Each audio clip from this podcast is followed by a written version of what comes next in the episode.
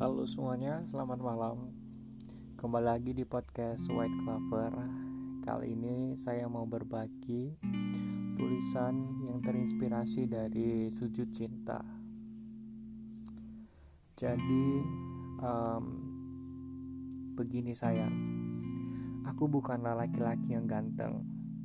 Aku pun bukan lelaki yang soleh, apalagi dibilang lelaki yang sempurna, sangat jauh dari itu.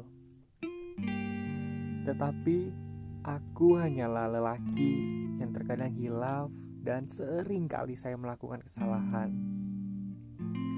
Namun perlu kamu ketahui bahwa jika tentang perasaan, rasa sayangku, rasa peduliku kepadamu dan tidak ada niat sedikit pun untuk main-main denganmu.